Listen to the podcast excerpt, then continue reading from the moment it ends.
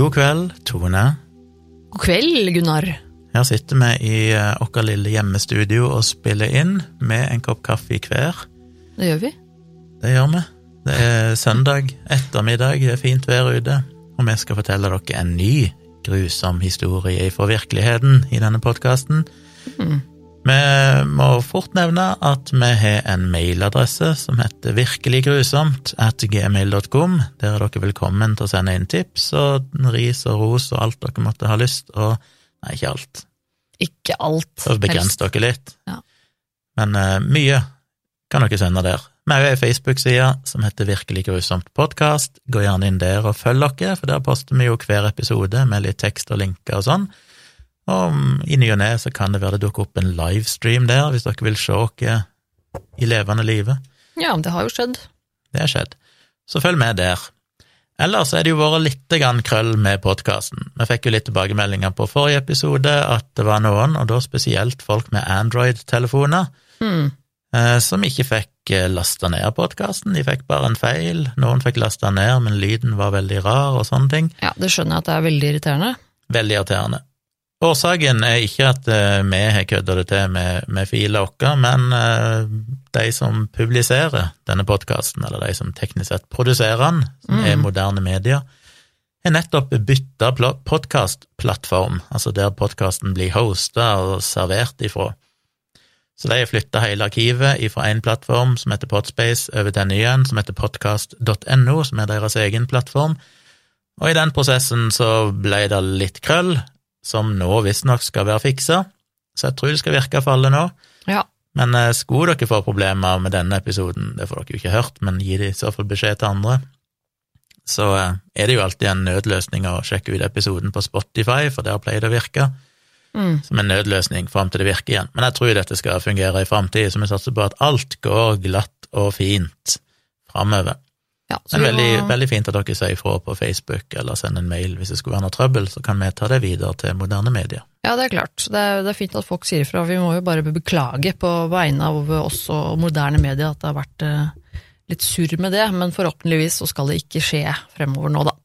Og hvis dere opplever problemer, skriv gjerne hvilken eh, type mobiltelefon dere bruker, og eh, hvilket program, Mm. podkast-app dere bruker, for det hjelper dere i å kunne feilsøke, eller hjelpe moderne medier i å kunne feilsøke. Nok om det, men i dag skal Tone fortelle en grusom historie.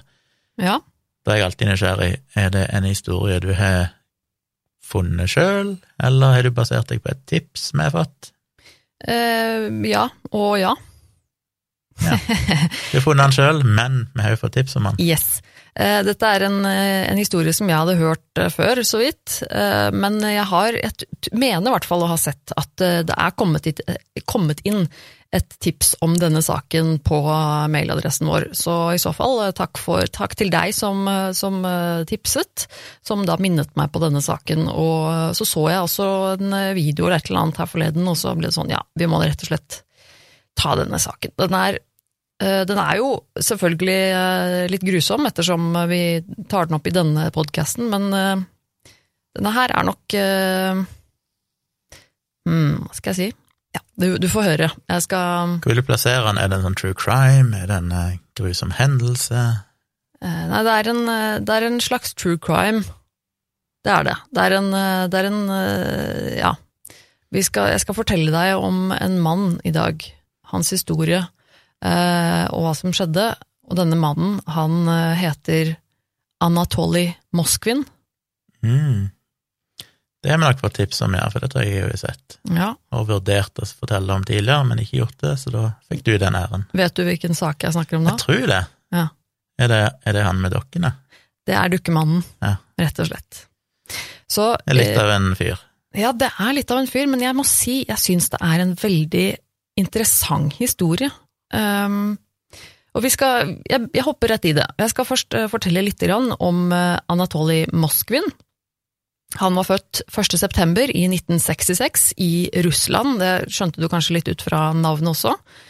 Han eh, bodde i eh, Nizjnij Novgorod. Uh, igjen må jeg bare unnskylde, dette er litt vanskelig sånn stedsnavn og sånn iblant på russisk. Jeg er ikke flytende russisk, for å si det sånn. Eh, Nizjnij Det var det ikke sist heller, har du ikke lært noen Nei, ting siden det? jeg har ikke lært så mye siden det. To uker, ikke i russisk. jeg beklager, det er veldig uproft. Svakt. Ja. Nisny Nizjnij Nov Noz Novgorod, faktisk, eh, som er den, den femte største byen i Russland. Eh, aldri hørt om byen, men altså en rimelig stor by, da. Russland er veldig stort. Ja, Det er mye vi ikke har hørt om. ja det er det. Han hadde tidlig en del rare interesser, denne lille Anatolij Moskvin. Eh, Han har fortalt at han begynte å vandre gjennom kirkegårder med venner da han fortsatt var eh, skolegutt.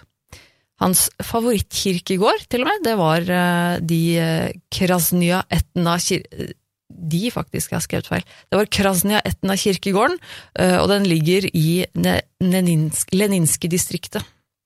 Og i en eh, artikkel eh, som var skrevet rett før han ble arrestert, eh, tilskrev Moskvin sin interesse for de døde til en litt spesiell barndomshendelse, rett og slett. Moskvin hevder han har fortalt at eh, da han var liten, på vei hjem fra skolen, eh, så ble han stoppet av en gruppe menn i svarte dresser. De var på vei til eh, begravelsen til en elleve år gammel jente som het Natasha Petrova, og de dro unge Anatolij med seg til kisten hennes, hvor de da tvang ham til å kysse jentas lik. Moskvin skrev i en artikkel at en voksen dyttet ansiktet mitt ned til den voksaktige pannen til den døde jenta, som hadde på seg en brodert lue, og det var ingenting jeg kunne gjøre annet enn å kysse henne som beordret. Jeg kysset henne en gang, og så en gang igjen og igjen. Jentas sørgende mor, eh, visstnok da, satte deretter en giftering på Anatolys finger og en giftering på den døde datterens finger. Um, og Anatoly sier videre at uh, mitt merkelige ekteskap med Natasja Petrova var ganske nyttig, og ja, ganske merkelig. Og dette her ble en sånn hendelse som fulgte med han i lang tid. Han uh, begynte selvfølgelig Han ble altså, åpenbart liksom preget av dette her, en merkelig hendelse. uh, men han hevdet at eh, denne døde jenta, da, hun eh, besøkte han i drømmene hans stadig vekk. Og lærte han om diverse ting, eh, og, snakket om diverse sånne okkulte ritualer, og mye sånn rart i, i drømmene hans, da. Eh, og dette her, det, det førte jo til at han fikk en veldig tro på magi, og en fascinasjon for de døde, generelt. Eh, så dette her med å gå turer på kirkegården og sånn, det, det var noe han fortsatte med, og dette var en, en stor fascinasjon for han, rett og slett. Men Moskvin, han var, han var også veldig smart. Han var veldig skoleflink, selv om eh, han ble beskrevet som litt sånn sosialt uh, klein, liksom, litt sånn awkward. Så var han veldig smart og, og flink på skolen, og etter å ha utsak, uteksaminert seg fra den filologiske fakultet, det filologiske fakultet i Moscow State University, ble Moskvin godt kjent, faktisk, i de akademiske kretsene. Eh, Hans hovedområder da, eh, for akademiske interesser var keltisk historie og folklore, samt språk og lingvistikk. Eh, Men som nevnt hadde Moskvin også dyp interesse for en god del sære ting, blant annet da kirkegårder og begravelsesritualer, død og det okkulte generelt. Og han hadde et personlig bibliotek med over 60 000 bøker og dokumenter, samt en stor dukkesamling. Eh, Andre akademikere kjente veldig godt til Moskvin, og han var som sagt ganske ja, godt kjent i disse kretsene her. De beskrev han gjerne som eh, et geni, eh, men også en ganske eksentrisk type. Og Som voksen mann så levde Anatolij Moskvin et ganske tilbaketrukket liv. Han eh, giftet seg aldri, han datet ikke engang. Eh, og faktisk så foretrakk han å bli boende hos sine foreldre. Han hadde også en eh, slags livsfilosofi hvor han avsto fra alle typer rusmidler, så han drakk ikke alkohol, han røykte ikke, og det ble altså antatt at han faktisk var jomfru, og han hevdet også selv at han levde i sølibat. Um, ja, senere så Men han la tydeligvis fra seg dette senere, for det, i 2016 så ble det faktisk rapportert, eh, rapportert at han eh, da skulle gifte seg med en 25 år gammel kvinne fra hjembyen som eh, deltok i rettssaken hans. Jeg vet ikke så mye mer om det, men tydeligvis. Uh, så man kan trygt si at Moskvin hadde en ganske imponerende karriere. Han var tidligere foreleser i keltiske studier ved Nizjnij Novgorod Linguistic University. Moskvin jobbet også ved Institute of Foreign Languages. Han var filolog, han var lingvist, og en polyglott som snakket 13 språk, visstnok. Jeg tenker jo at dette er en fyr som har mye, mye mellom øra. Mm. Uh, han har skrevet flere bøker, han har skrevet masse artikler og oversettelser, og alle er ganske kjente i akademiske kretser. Moskvin jobbet også av og til som journalist, og bidro jevnlig i lokalaviser og publikasjoner. Han uh, beskrev seg selv som en nekropolist, og ble ansett som en ekspert, faktisk, på lokale kirkegårder i Nizjnij Novgorod-regionen. Og det er jo ikke så rart å anta, alt opp, så mye tid som han har brukt da på å eh, gå turer og, og gjøre seg kjent med kirkegården her, så vil jeg jo tro at er, han var sikkert en av de som visste mest om kirkegården her, det vil jeg, det vil jeg tro. Og i 2005 så ga Oleg Ryabov en eh, medakademiker og forelegger, Moskvin i oppdrag å oppsummere og liste opp de døde på mer enn 700 kirkegårder i 40 regioner i Nizjnij Novgorod oblast, til en slags historiebok, da. Eh, og dette var en jobb som var helt perfekt for Moskvin, så han tok jo selvfølgelig gladelig denne jobben, og eh, hevdet at han da mellom 2005 og 2007 hadde gått til fots for å inspisere 752 kirkegårder over hele regionen. Han hadde gått opptil 30 km om dagen. Det er ganske heftig, altså. Ja. Det er en skikkelig jobb, liksom. Um, under disse reisene så har han fortalt at han visstnok drakk vann av sølepytter. Han tilbrakte netter i høystakker og på forlatte gårder, eller sov på selve kirkegården. Og det gikk til og med så langt at uh, han sier at han en natt uh, tilbrakte uh, altså en natt i en kiste som sto forberedt da, til en begravelse. Det er litt spesielt. As you do. Men jeg må jo også si at sånn i forhold til å sove på bakken eller en høystakk, så er jo det å sove i en kirke Nei, en, en, en, en, kiste. Sikkert ganske fristende. Hvis du har sett de der kistene som de bruker i begravelser, så er det jo som regel ganske mye sånn, sånn padding, sånn pute ja. og sånn oppi der. Det ser jo ganske behagelig, behagelig ut. Ja. Så jeg tenker at jeg ville jo jeg ville også kanskje heller valgt å sove i en sånn kiste fremfor på bakken, liksom. Ja, hvis du må velge, og det ligger en kiste der, så hadde jeg jo vært mye kiste. ja, så det er kanskje ikke Ja ja, ja jeg skjønner at det er litt spesielt, men eh, likevel. Um, og på sine mange omfattende reiser rundt omkring da, så ble jo Moskvin uh, mange ganger stoppet og avhørt av politiet, uh, som da lurte på um, hva i all verden er det du driver med, uh, om han kanskje drev med hærverk eller tyveri. Men han ble aldri arrestert eller varetektsfengslet. Han bare oppga sin akademiske legitimasjon og hans formål. De lot han fortsette jobben. Ehm, selve boka, da, resultatet av denne store jobben eh, ble faktisk aldri publisert, av en eller annen grunn. Jeg er litt usikker på hvorfor. Jeg fant ikke det eh, grunnen noe sted.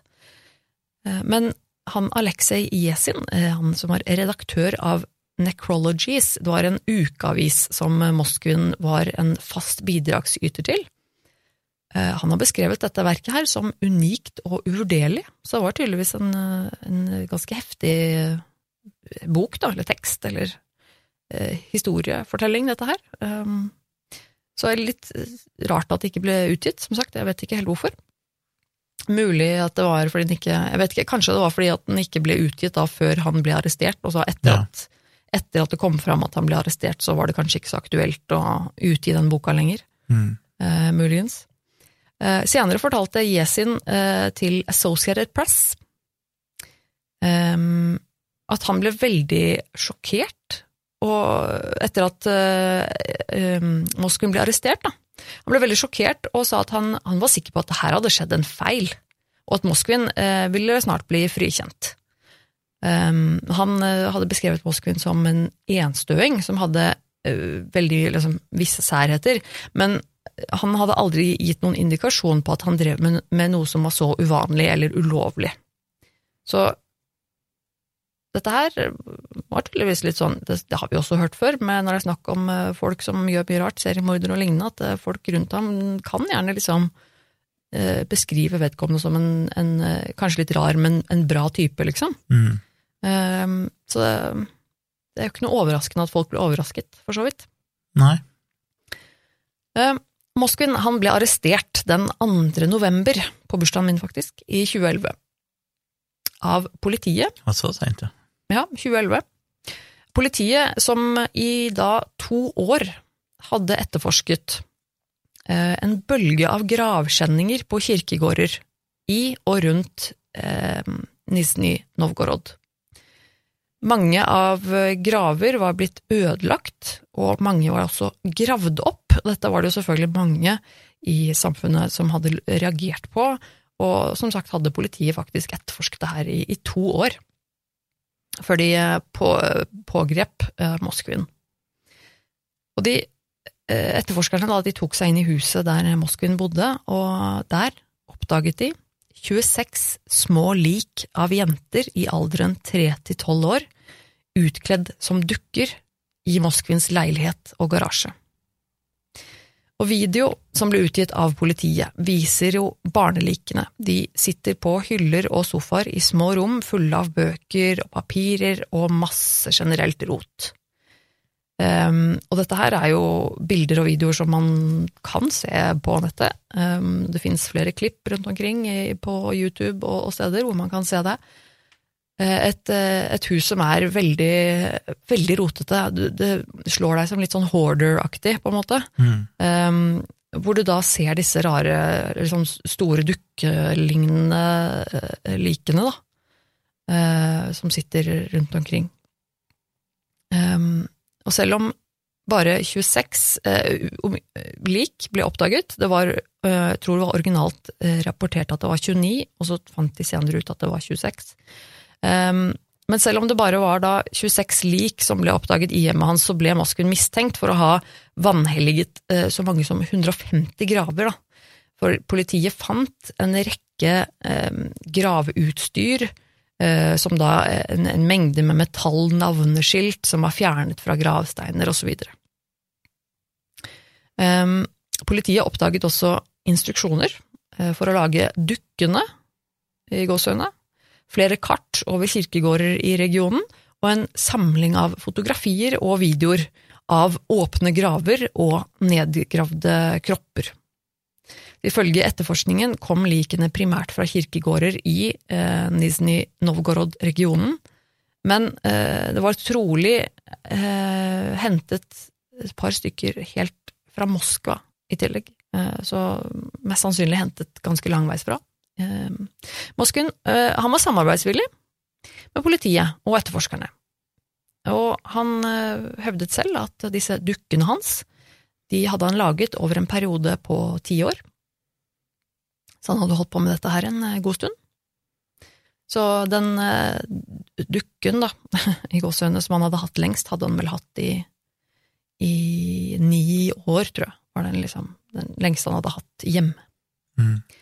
Eh, var foreldrene hans, som jo bodde sammen med han i dette huset, for han, han bodde jo faktisk sammen med foreldrene sine, de var eh, riktignok borte store deler av året, visstnok, men eh, de var helt uvitende om aktivitetene hans. Eh, de hadde jo selvfølgelig sett disse dukkene da, som var rundt omkring i huset, men de trodde jo at det faktisk bare var dukker. Mm. Eh, Moskvin han ble siktet i henhold til artikkel 244 i straffeloven for vanhelligelse av graver og døde kropper. Eh, en siktelse som da kunne gi opptil fem års fengsel. Eh, dette her var Jeg tror det var 44 Hva heter det? Tiltalepunkt. Ja, tiltaler, eller ja. Mm.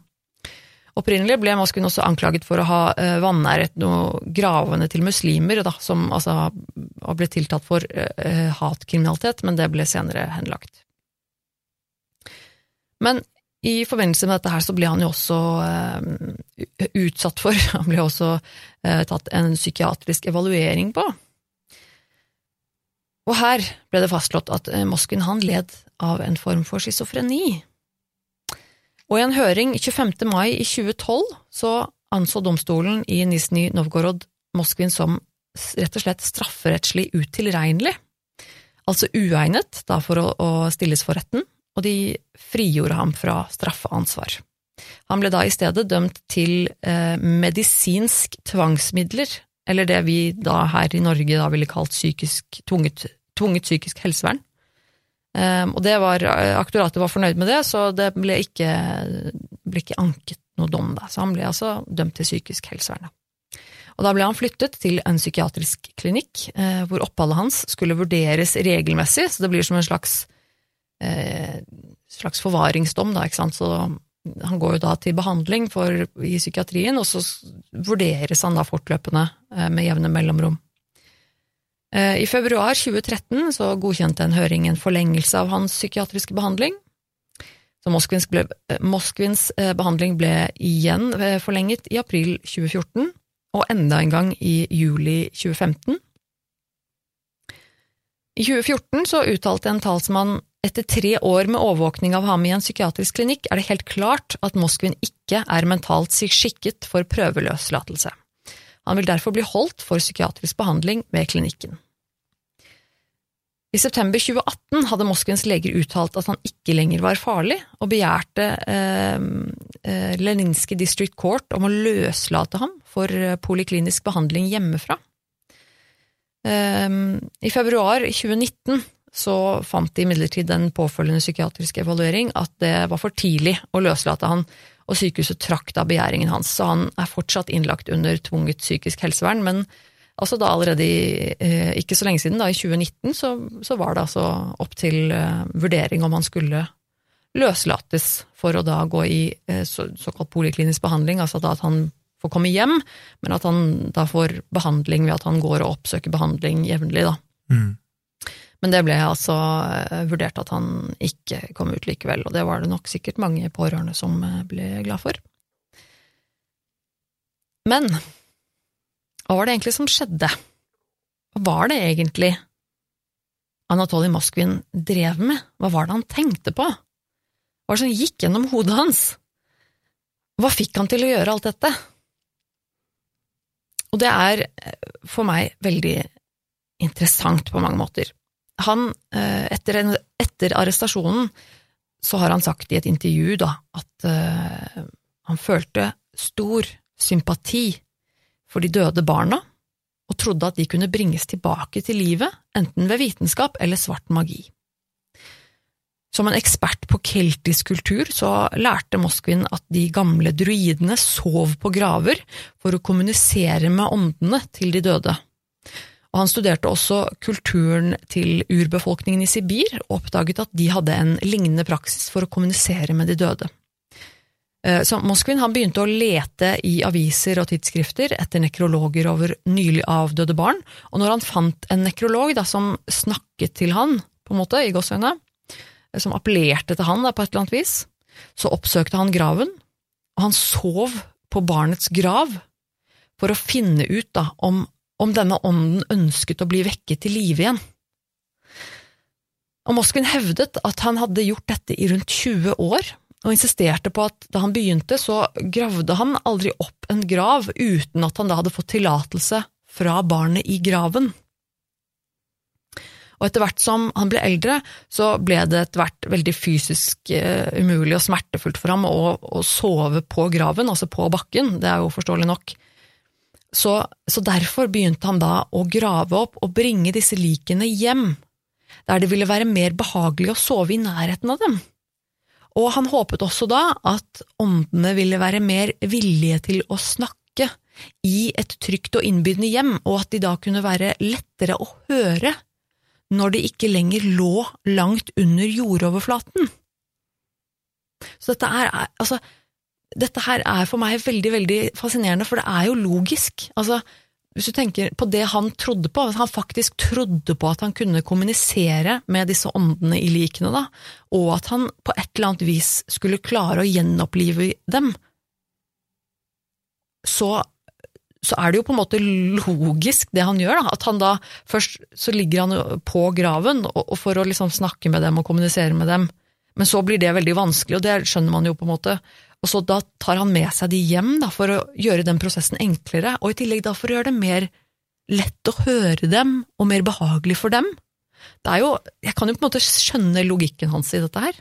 Men det er jo ofte sånn med folk som lider av forskjellige vrangforestillinger, at det er jo en logikk i det. Mm. Hvis du bare aksepterer premissene for vrangforestillingen, så gir det jo fullstendig mening. Ja.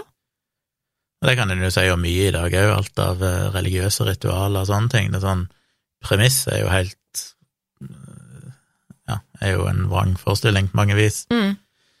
Men eh, konsekvensene av det gir jo mening hvis Mm. du bare kjøper premissene. Mm. Så er det sånn, selv om det kanskje virker helt feil og umoralsk og sånn, så er det sånn, ja, men innenfor det rammeverket av vrangforestillingen, Mm. så er jo dette det eneste rette å gjøre. Dette er jo fullstendig moralsk riktig. Ja. Og etter da, å ha gravd opp disse likene, så forsket eh, Moskvin på eh, mumifiseringsteorier og teknikker i et forsøk da, på å bevare disse likene. Og han, eh, han tørket likene ved å eh, bruke en kombinasjon av salt og natron, og lagret deretter likene på sikre, tørre steder på og rundt kirkegårder. Og når likene da var tørket, så bar Moskvin dem hjem til seg, hvor han da brukte forskjellige metoder for å lage dukker da, i gåsehudene av, av dem, i da forsøk på å gi barna funksjonelle kropper som kunne brukes når han til slutt oppdaget en måte å bringe dem tilbake til live. For han følte jo at deres fysiske rester da, var, altså kroppen, fysiske rester av kroppen deres, var for forfalte og stygge til at de kunne føle seg komfortable eller lykkelige. Men siden han ikke kunne hindre kroppene fra å visne og krympe mens de tørket, så, så viklet han eh, lemmene inn i tøystrimler og fylte liksom kroppshulen med filler og polstring for å liksom gi fylde, da.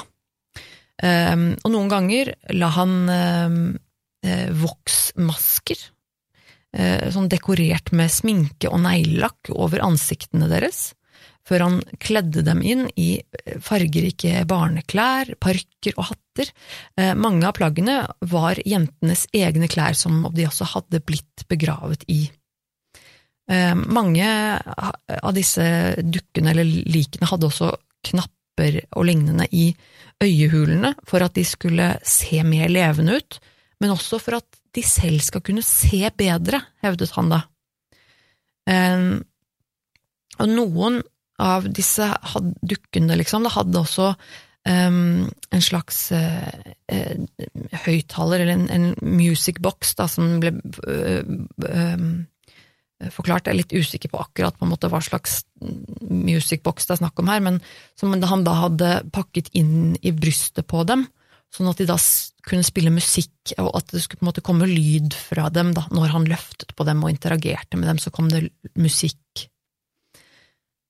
og de, og, så han, dette, altså han jobbet jo mye med dem, og, og på en måte, så det er jo ikke på en måte rart at alle disse detaljene her, de fikk jo eh, disse dukkene her til å se veldig dukke ut og hjemmelagde ut, så det er jo på en måte det er jo ikke så rart at det sånn sett var vanskelig å skjønne hva dette her egentlig var.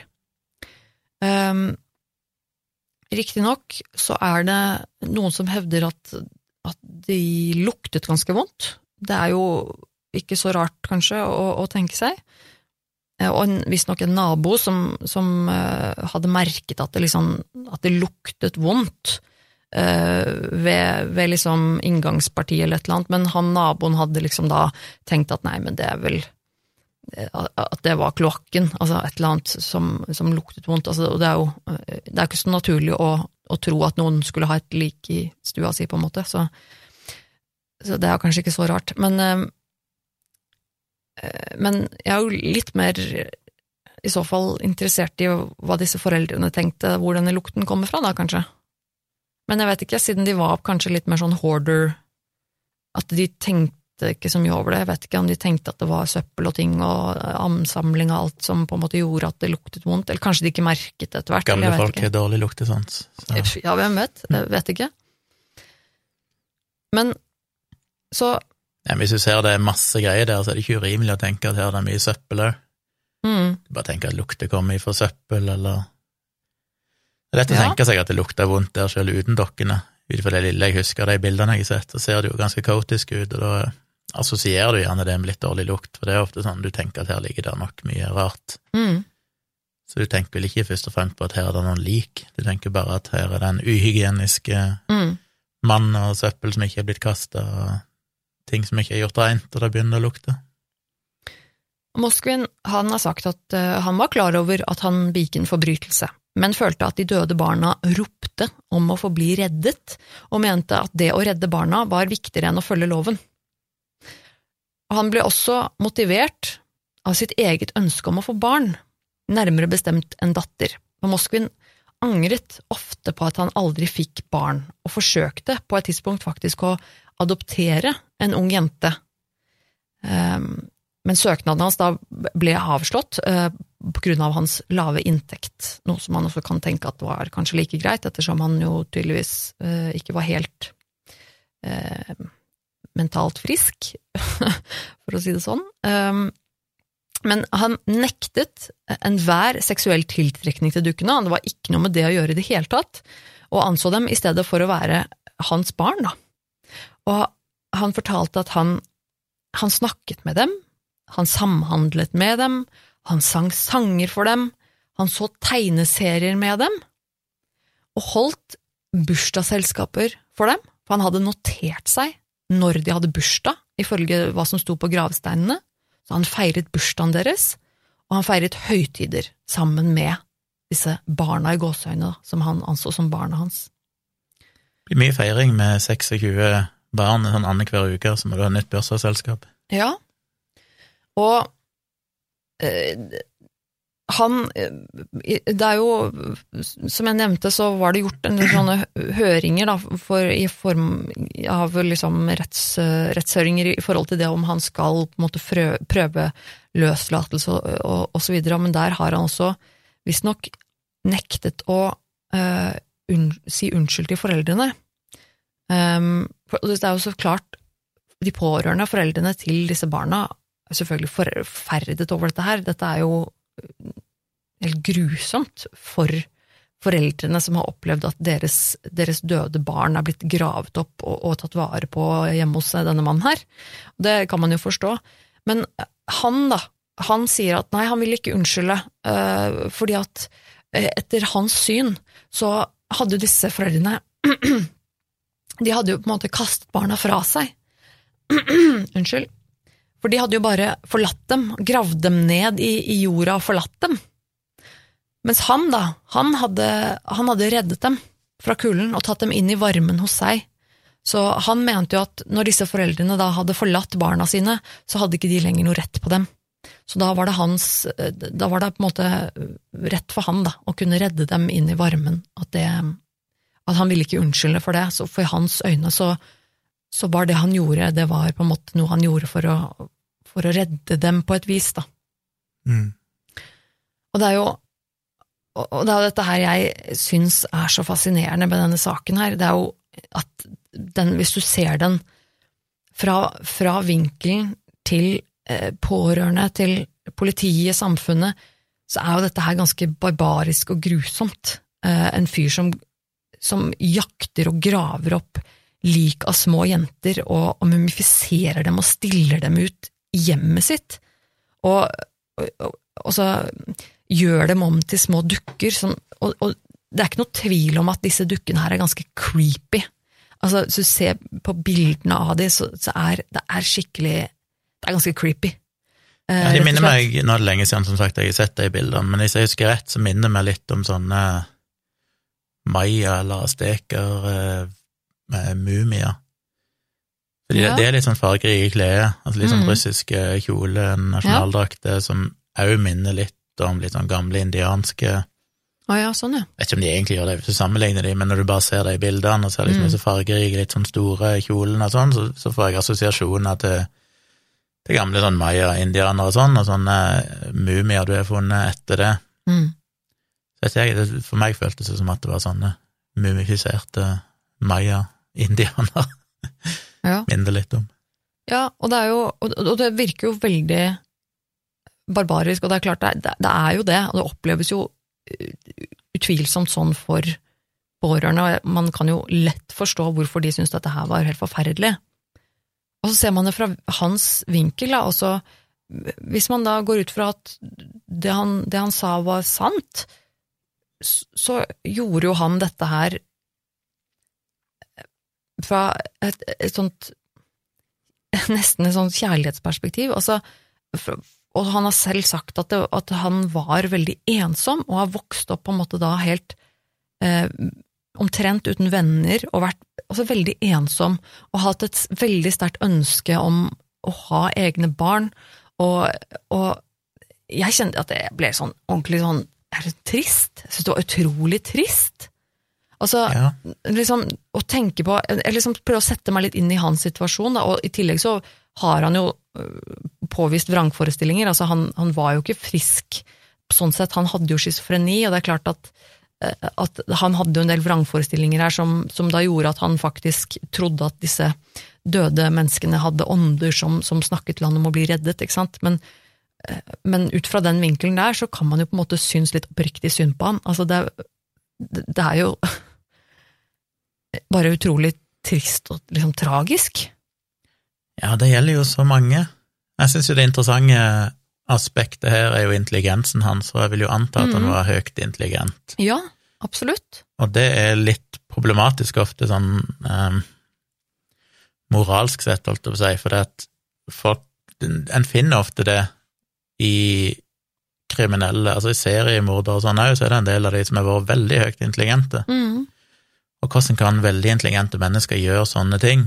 mm, Og det er ofte fordi at veldig intelligente mennesker har en tendens til å ikke akseptere ting sånn som de er. mm, Liksom moral, nei, samfunnets normer og sånn, det er ikke når du bare aksepterer at det er sånn fordi det er sånn. Ja. Eh, Du har en tendens til å tenke at ja, du bare aksepterer ikke verden sånn som den er.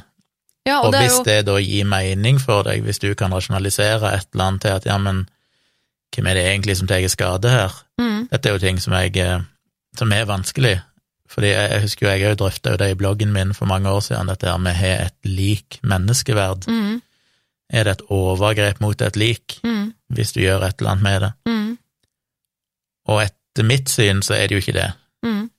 For det, hvis en aksepterer at når du er død, så er du død. Ja. Den kroppen som er igjen, er ikke menneske. Det er ikke den personen lenger, det er, det er tomt skall. Mm. Som teknisk sett ikke er noe mer verdt enn jorda, steinene og gresset rundt. Ja, for dette er jo ikke lenger et menneske som føler noen ting. Det er ikke et menneske som, som lever, som kan kjenne smerte, som kan føle eller tenke noe som helst. Altså, hvis, du, hvis han hadde gjort dette med et lik som ikke hadde noen levende etterfølgere, Mm. så er det vanskelig å si at hvem er det egentlig han skader, da? Ikke sant? Men problemet er jo selvfølgelig alltid at det er som regel familie og sånn, og ingen ønsker det, og du skader deg ved å Mm. gjøre den handlingen, så det er jo deg du beskytter. Mm, Men i hans sin verden så er han kanskje da For han er jo rett på en måte i at han gjør ikke noe etter mitt syn heller, så jo, selv om jeg syns det er ekkelt og grotesk, så er det jo så er det vanskelig å si at det er et overgrep mot et lik, for et lik er ikke et menneske. Hvis du aksepterer at når du er død, så er du død, da er du ikke lenger Da er du bare en tilfeldig samling av molekyler. Mm. Eh, og hvis han da Og det virker som at han anerkjente at jo, dette faktisk er et problem for familien, dette er skadelig, han skjønner at det er galt, men som at han da veier mellom to onder, enten å ta hensyn til deres følelser, som jo er det juridisk sett med beskytter, lovverket beskytter mot, følelsene til de etterlatte, eller følelsen til barnet sjøl, som han da faktisk følte var levende og hadde følelser, og da valgte han å beskytte barnet. Ja. Så i hans verden så ga jo dette mening. Men det interessante der med den der intelligensnivået, at jeg tror ikke en mindre intelligent person nødvendigvis hadde gjort det, de ville nok gjort det av andre motiver, seksuelle, et eller annet sånt, og visst at dette var galt. Men den der rasjonaliseringa hans, den er et sånn typisk eksempel på et høyt intelligent individ mm, som bare på en måte er helt rett. Sånn rent sånn objektivt sett så er det jo ikke et overgrep mot liket, for det liket har ikke noe følelse. Og så vet han at det er et overgrep mot de etterlatte, men det velger han da at det er mindre viktig.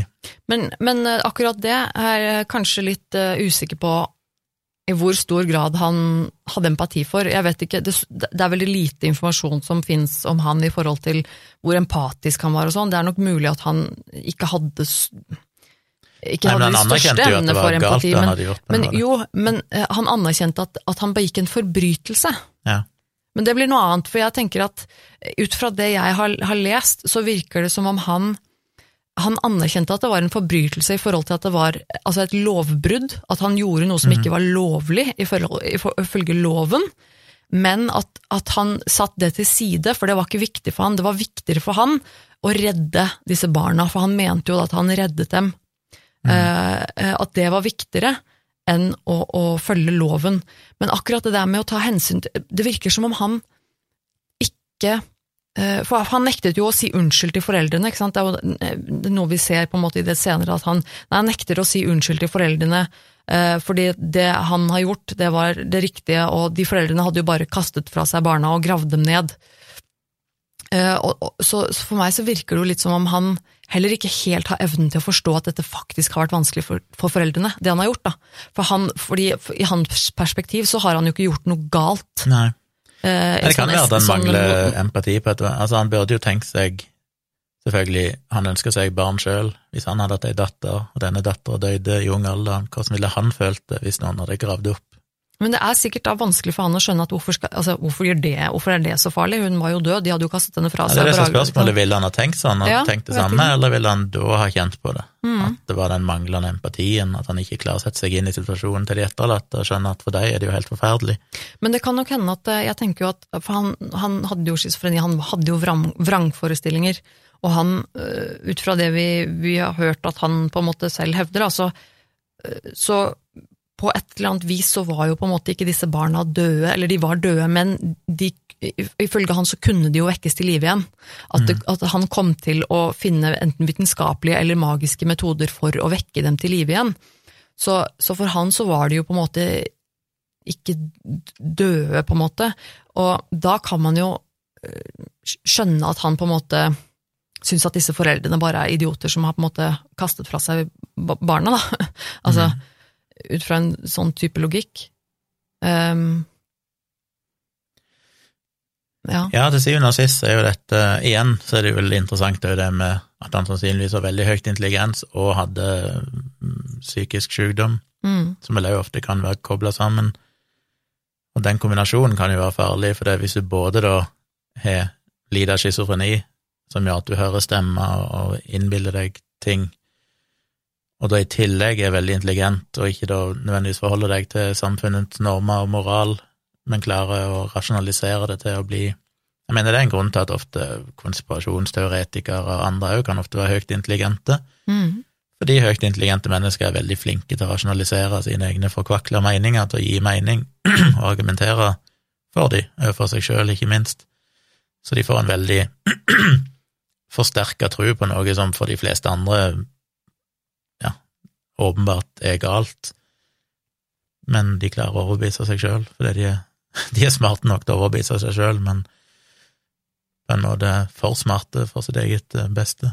Ja, altså uansett hvor smart, intelligent eller uintelligent du er, så eh, faller vi jo alle i de samme eh, psykologiske fellene. Vi faller alle i eh, confirmation bias-feller, eh, hva heter det, eh, bekreftelsesfeller og så videre sånn, og det er jo det, det skjer jo uansett om du er holdt opp til dum eller smart. Ja. Så det er, jo, det, det er jo sånne ting som også spiller inn her. Ikke sant? Når du først begynner da, å, å rasjonalisere og tenke og falle i disse, disse bekreftelsesfellene, så er det jo ikke rart at uh, folk blir uh, troende på alt mulig rart, da. Men den Uten å være syke, for så vidt, sånn sett også. men den historien om det som hadde skjedd når han var barn, når han måtte kysse denne døde jenta, Ja. er det noe som kom fram liksom under avhør seinere, eller? Det er noe han har fortalt i en artikkel. Eh, altså Han har skrevet om det selv og fortalt om det. på om det. er noe som skjedde, eller om det er jo en del av hans sine drømmer eller vrangforestillinger. Er, så vidt jeg har skjønt, så er det ikke bevist på noe måte at det faktisk har skjedd, at det er en, noe han eh, hevder selv, da. Um, men eh, men eh, det, det vet jeg ikke om han vet sikkert. Han har jo et navn der, da. Han snakker jo om at han var Altså, han navngir jo riktignok eh, eh, denne eh, hendelsen med den elleve år gamle jenta som var død, som het Natasha Petrova. At det var hennes begravelse dette her skjedde i. Så jeg tenker at det kan jo hende at det ikke er helt umulig å på en måte sjekke om dette her skjedde, men, men jeg tenker siden han oppgir navnet hennes, så, så, så, akkurat fordi det må være mulig å sjekke, så har det sikkert en, et, et grobunn av sannhet, holdt jeg på å si. Da har det jo sikkert vært en ekte person og en ekte begravelse.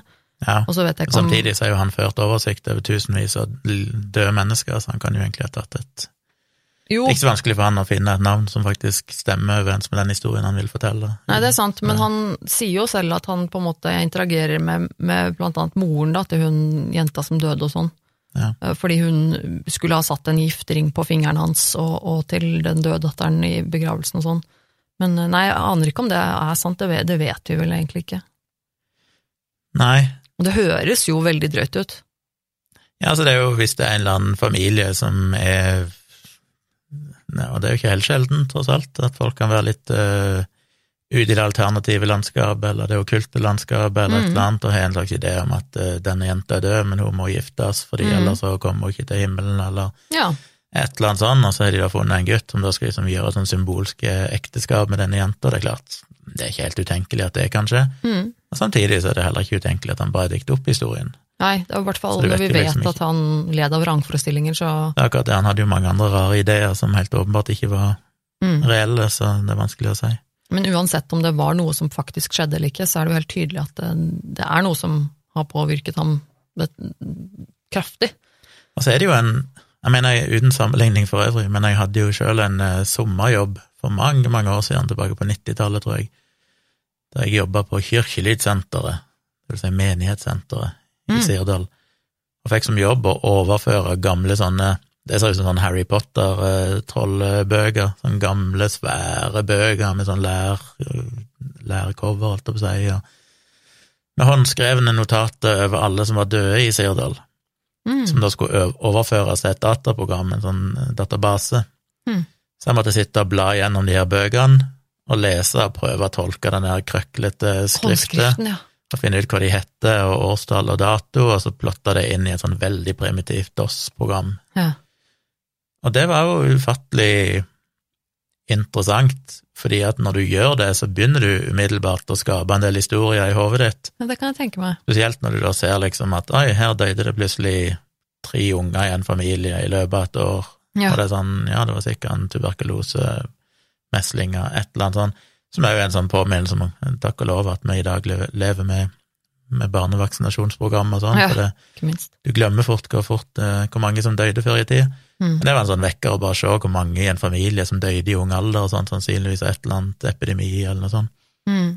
Så du skaper jo en del historier, så det er klart du kan jo òg bli ganske forkvakla, vil jeg tro, hvis du bruker år etter år og bare går rundt og researcher døde mennesker, Ja, og begynner det. å sette deg inn i livshistorien deres og ser familiekoblinger og Ja, og nok, Og hvis du i tillegg er helt ensom og ikke snakker med andre, og det blir hele ditt univers Ikke sant? Og at du i tillegg fort, da eh, lider av vrangforestillinger og, og altså det er nesten liksom, i uten det, så kan du nok bli litt rar. Ja, ikke Og sant? hvis du da i tillegg er schizofren, Ja, så er det jo en ganske lav terskel, tenker jeg, for at du kan begynne å se på dette som levende ja.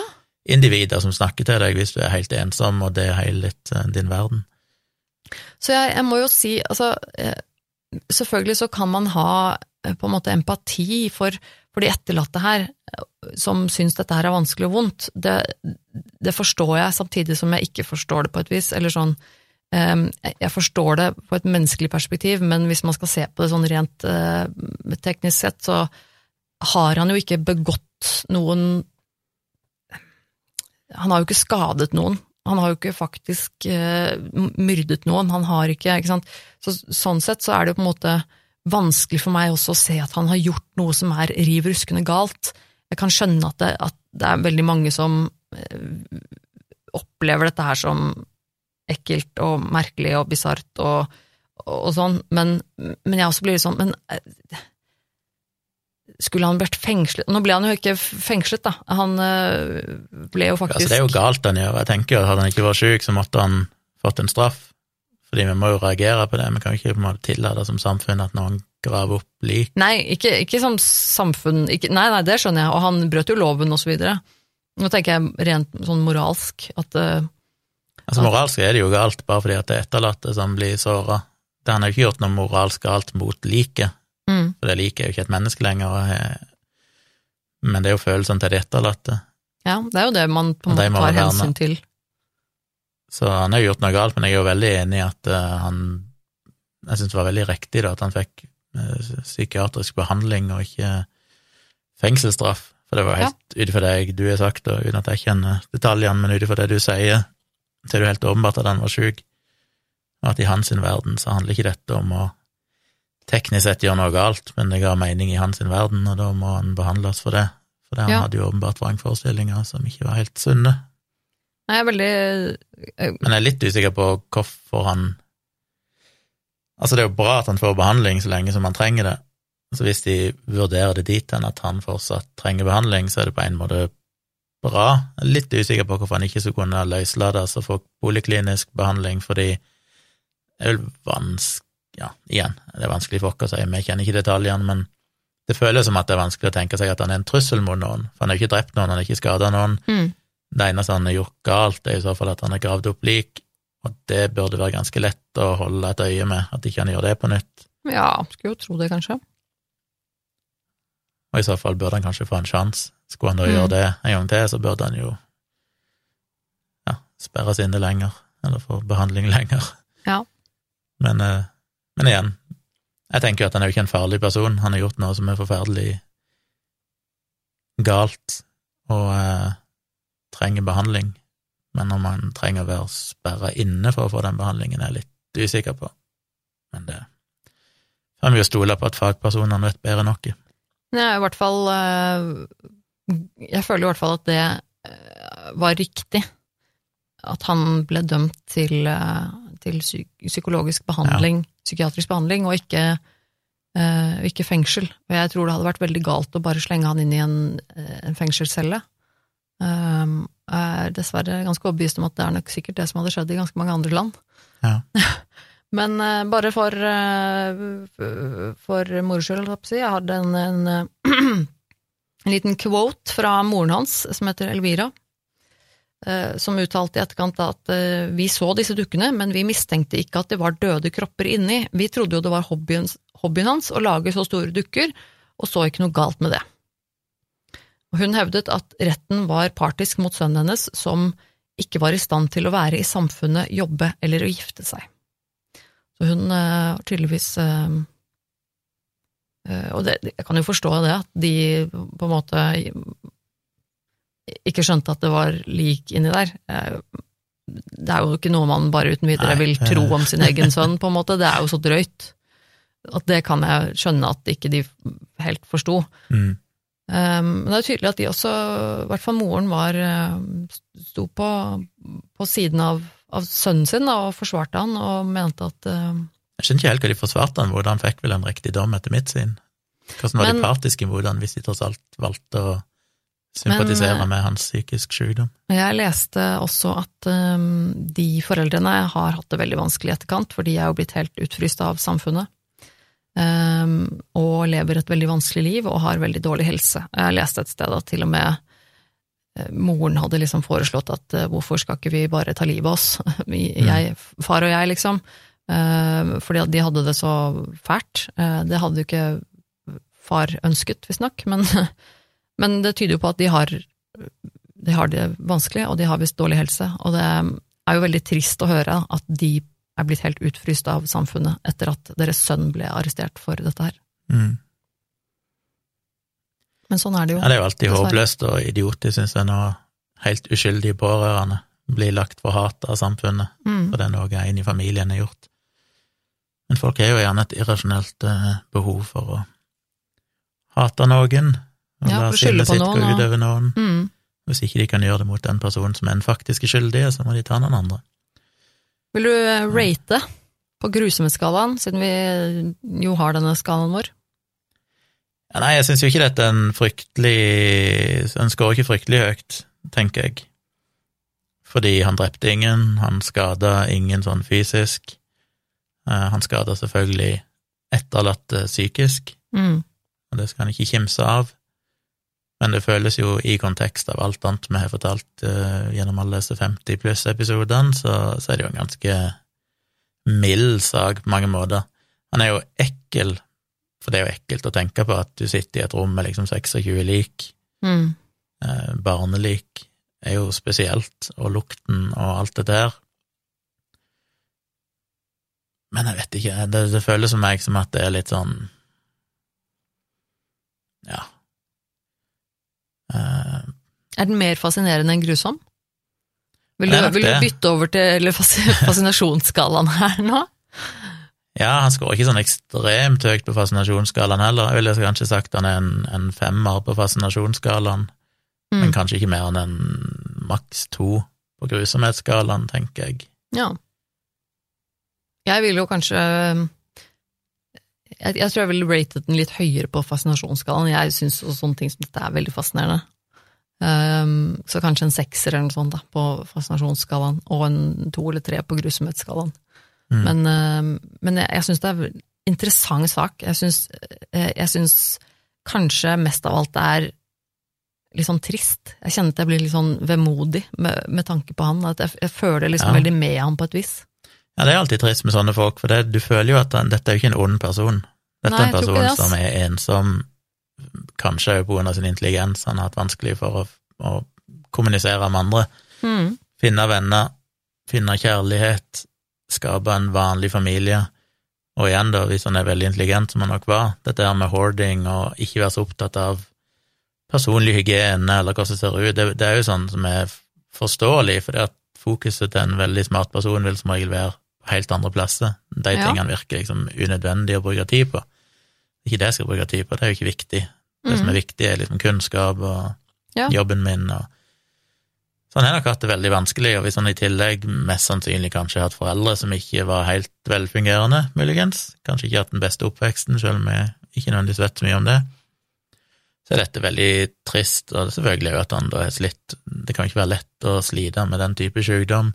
Nei, det tror jeg er utrolig tøft, faktisk. Han håndterte det jo på én måte prisverdig, det er bare synd han gjorde det på en måte som skada indirekte andre, ja. men han håndterte det jo på en måte med at han iallfall kanaliserte det inn i et eller annet som ga han mening, da, ja. som kanskje fjerna litt av Det var ikke sånn at han ble liggende liksom å høre stemme og, og gå bananas, men han, han, klarte å rasjonalisere det til at de snakket til han, og han kunne gjøre noe for dem.